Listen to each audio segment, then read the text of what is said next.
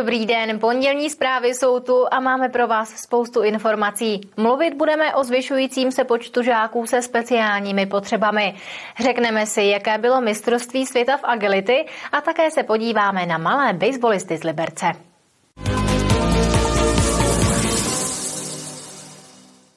Žáků se speciálními vzdělávacími potřebami a různými formami handicapů přibývá.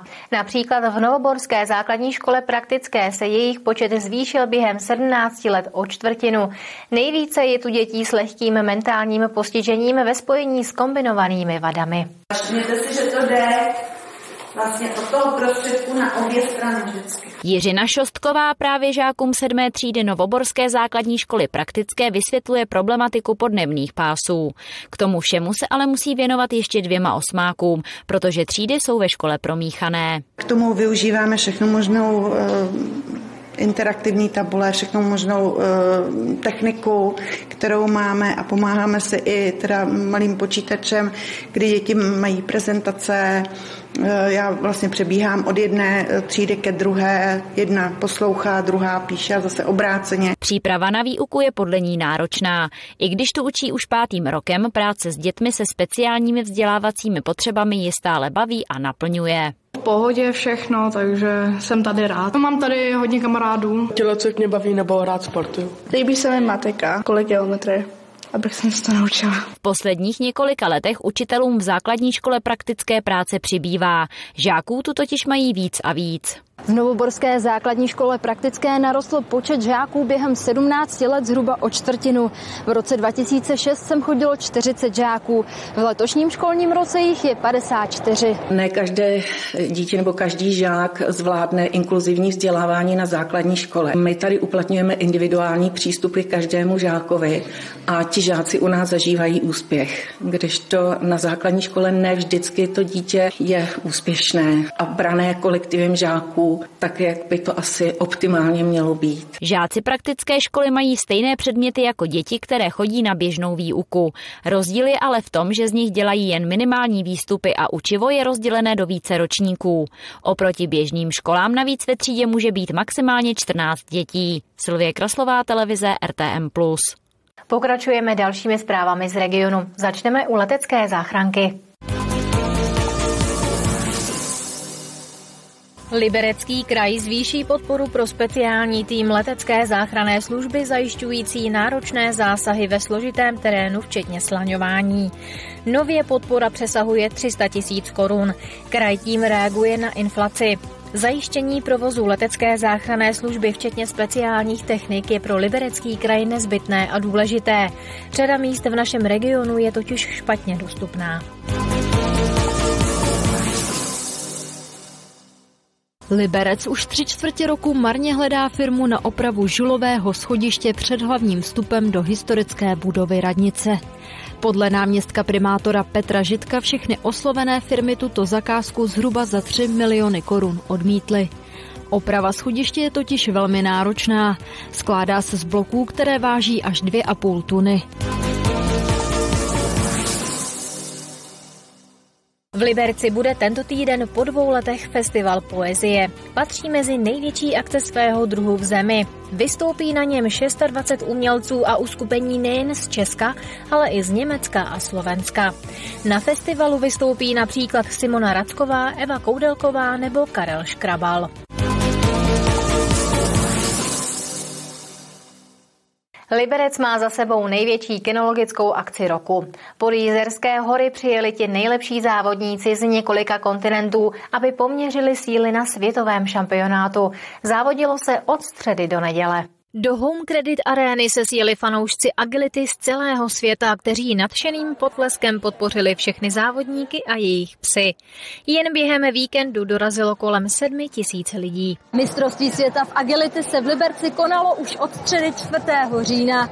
Událostci nenechali ujít tisíce fanoušků. Tím, jak se závody chýlily ke konci, jich bylo víc a víc. Cizinci, kteří pravidelně jezdí na mistrovství světa, tak přijíždějí dostatečným předstihem, takže my už jsme se potkávali tady v pondělí, pak to houslo a houslo, protože to chtějí užít od začátku, oni chtějí vidět i pokládání trávy. Šampionátu se zúčastnilo přes 650 psů 40 různých plemen. Medaile si odvezli třeba Němci, Maďaři nebo Belgičani, bodovali ale i Češi. Malé medailičky tam nějaký proběhly, jedna proběhla druhé místo v Medíkách, ve těch středních. Překvapilo mě to, protože je Vino docela mladý pes a poslední dobu se nám úplně nedařilo ale to, to bylo super. Byla jsem příliš pomalá. Na poslední překážce jsem málem spadla. Před závodem jsem si myslela, že to bude jednodušší. Měl jsem obavy z několika překážek. Moje fenka někdy vyběhla příliš brzy, takže jsem z toho byl nervózní, ale nakonec předvedla perfektní výkon. Je moc šikovná. Mistrovství světa v agility je České republice zaslíbené. Důvěru kinologické federace získali liberečtí organizátoři opakovaně. Šampionát se tady konal už po třetí. Martina Škrabálková, televize RTM+.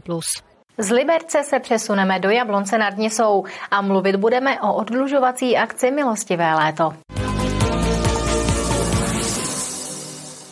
Jablonec nad Nisou se znovu zapojil do odlužovací akce Milostivé léto. Je to už po třetí. Zájem ale zatím není příliš velký.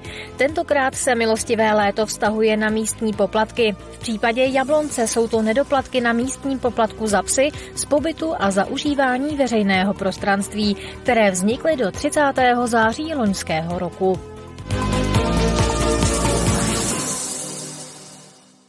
Nadace Euronisa připravuje tradiční aukci uměleckých děl.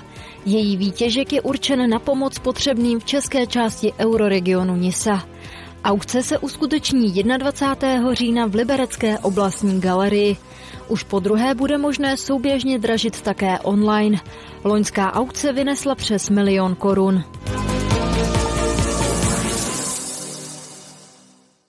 Hrad Grabštejn láká na nové exponáty. Pro návštěvníky vybavil byt pana nadlesního salonek i rodové muzeum. Návštěvníci si mohou v expozici prohlédnout předměty z afrických cest Karla Podstatského, jako například popelník z paznechtu buvola nebo zebří kůže.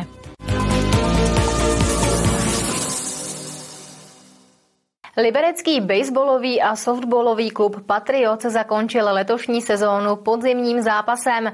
V areálu Sportparku Liberec si děti zahrály se svými rodiči. Ti nejlepší hráči byli na závěr akce oceněni. První venkovní zápas nové sezóny čeká Patrioty v Dubnu. Čáry fuci, jedničky, pumy nebo klenoti. Malí hráči libereckých patriotů se na podzimním zápase se svými rodiči rozdělili do několika týmů, které si sami pojmenovali. Touto akcí zakončili letošní sezónu. Je to vlastně poděkování rodičům a hlavně dětem za to, že vlastně tady tenhle ten rok hráli krásný baseball. Máme tady i vyhlášení sezóny, poděkování těm dětem, kteří byli vlastně nejlepší, eh, aby to motivovalo ty další děti, které vlastně nějakým způsobem eh, se chtějí zlepšovat cestovat. Máme tady i občerstvení pro rodiče, je to prostě takový bezva. Odpoledne vyšlo nám i počasí, takže to je super, že vlastně takovýmhle způsobem můžeme prostě představit i svůj klub. Patrioti hrají ve čtyřech kategoriích. Baseballu se tu věnuje zhruba 40 dětí ve věku od 5 do 18 let. Převážně jde o chlapce, dívek je tu jen pár. Jsem nejmenší hráčem, mi pět a půl. Já hraju base, um, baseball celý rok. Nejvíc mě baví pálení. Mě devět a baví mě chytání, hraju jedničku a odpalu taky dobře. Hraju baseball 8 e, měsíců a baví mě nejradši pálit míčky. Je tady sranda, Všichni jsou hodní a je to tady super. No. Tady máme skvělý kolektiv, jsme hodně malý tým a ta hra je hodně taková dynamická, i přes to, že hraju 9 let, tak je to pořád nový. V polovině října se Patrioti začnou připravovat na novou sezónu. Trénovat budou v hale. První venkovní zápas po zimní halové přípravě čeká liberecké Patrioty na jaře.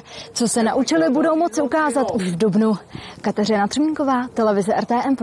To byly pondělní zprávy. Teď už naše pořady, tak si je nenechte ujít. Hezký zbytek dne a na viděnou zase zítra.